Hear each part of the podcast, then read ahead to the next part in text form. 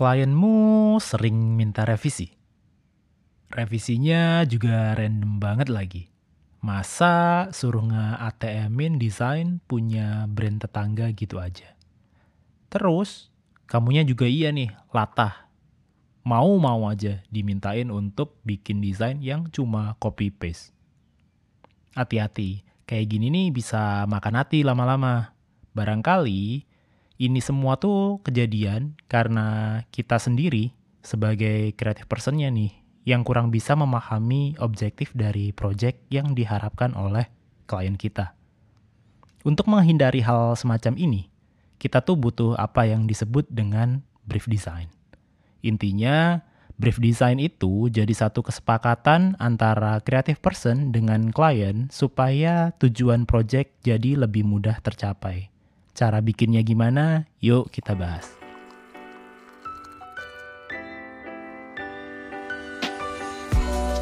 Hai, selamat datang di Berondang Branding.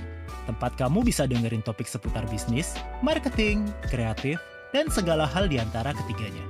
Bareng saya Lintang Noviantara, setiap hari Senin, di sini kamu bisa dengerin insight yang mungkin bermanfaat untuk pertumbuhan brand yang sedang kamu bangun. Bro, dan branding. Karena kalau terlambat, pertumbuhan brandmu bisa terhambat.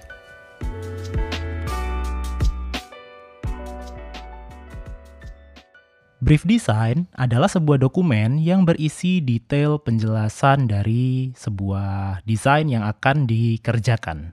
Umumnya ini tuh isinya tentang info seputar jangka waktu pengerjaan, ketentuan cara mengerjakannya, ruang lingkup desainnya, bakal dipakai untuk apa, bahkan ada juga yang sampai ada rincian biaya di dalamnya brief design ini tuh dipakai sebagai acuan atau koridor dalam setiap diskusi antara creative person dan klien.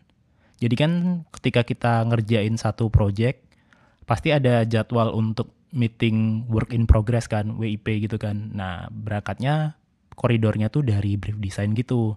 Supaya apa pun yang didiskusiin nggak ngalor ngidul dan kita bisa capai target yang diharapkan dari project yang lagi dikerjain itu tuh.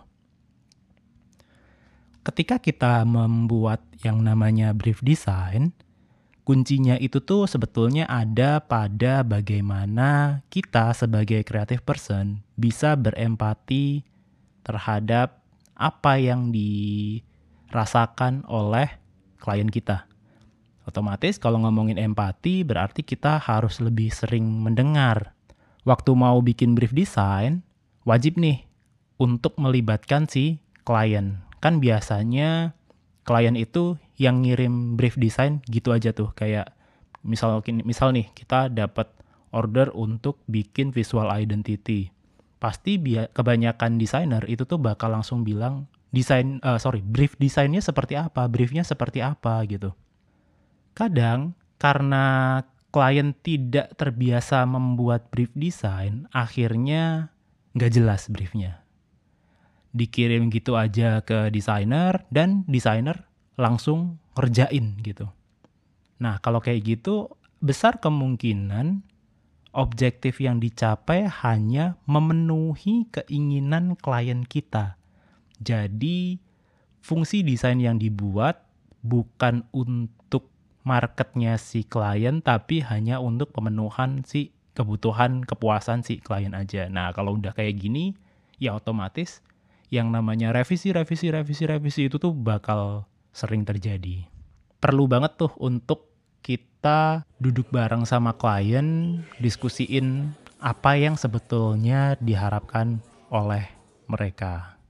Semua itu perlu dilakuin biar tadi lebih mudah mencapai objektif yang diharapkan.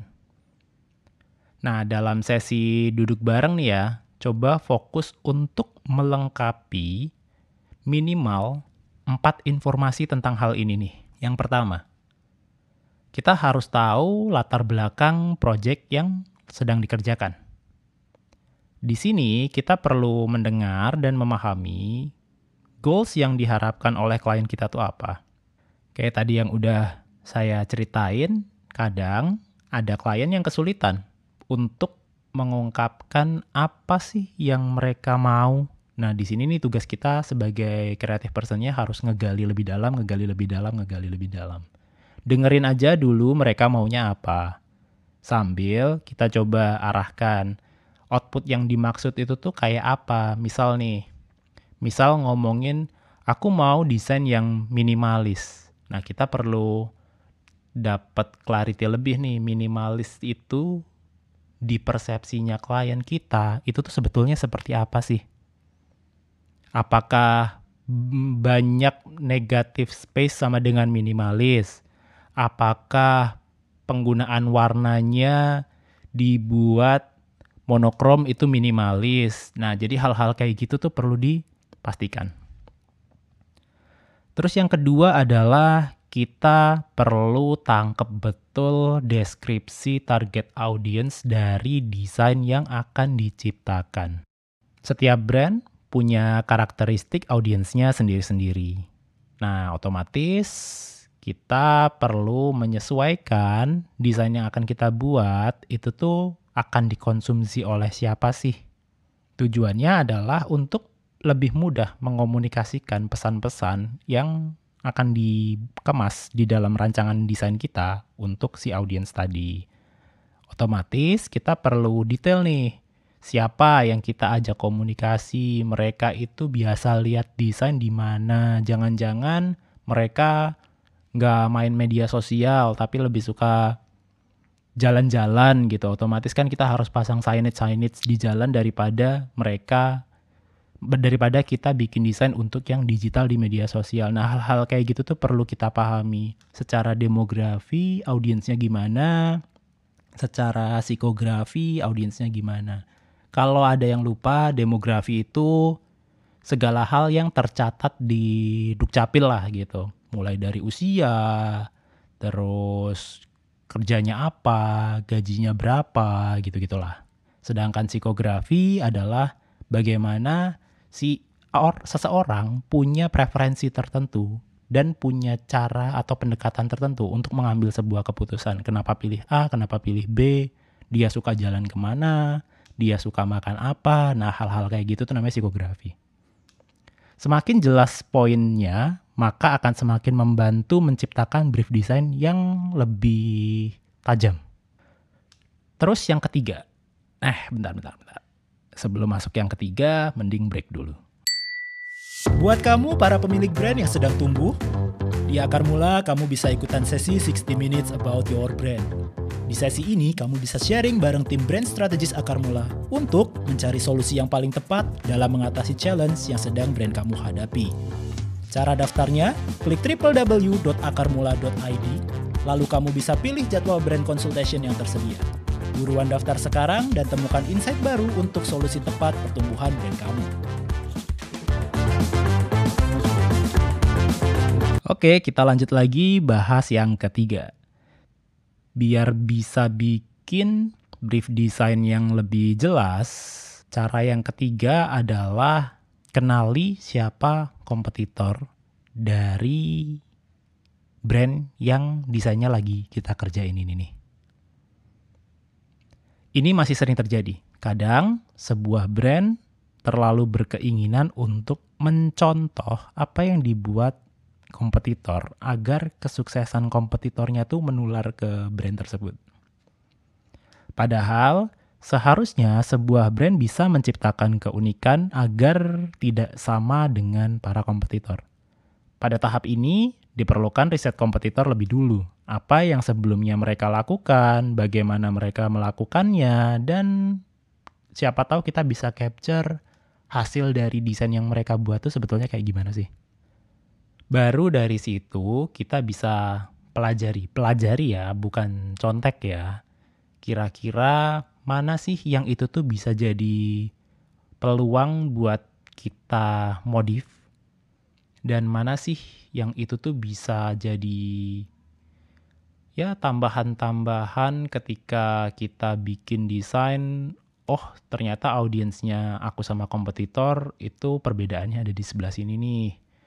Oke aku akan coba untuk bikin desain yang ses- lebih sesuai dengan audiensku, lebih sesuai dengan preferensinya gitu.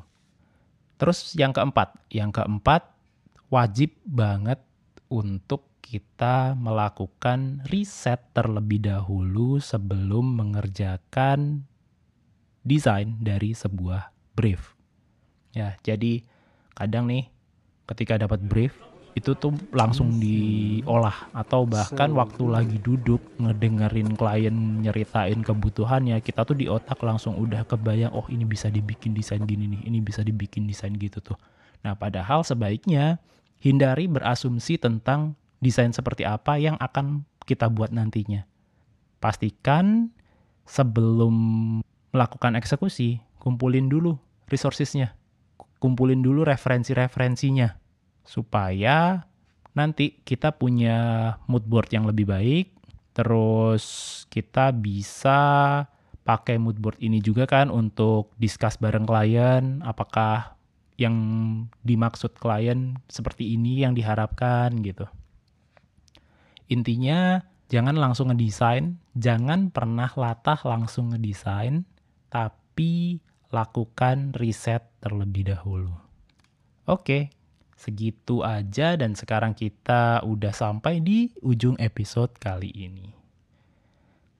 Kesimpulannya adalah saat membuat desain, apa pun itu, idealnya kita fokus ke end user. Tapi sayang, karena latah ingin membahagiakan klien, kadang kita cenderung sering iya-iya aja untuk penuhi kebutuhan dan kepuasan mereka. Dengan paham empat hal tadi yaitu latar belakang, audiens, kompetitor, dan berbekal desain research, kita akan memiliki brief desain yang lebih kaya, yang lebih rapi, yang lebih tajam. Jadi dari apa yang diminta oleh klien kita bisa refine, refine, refine, refine, refine, akhirnya kita punya brief desain yang lebih enak untuk dikerjakan ketika brief desainnya enak untuk dikerjakan, otomatis objektif projectnya jadi lebih mudah tercapai. Yuk, jangan jadi desainer latah dan mulai bikin brief yang lebih rapi sebelum memulai sebuah project desain grafis.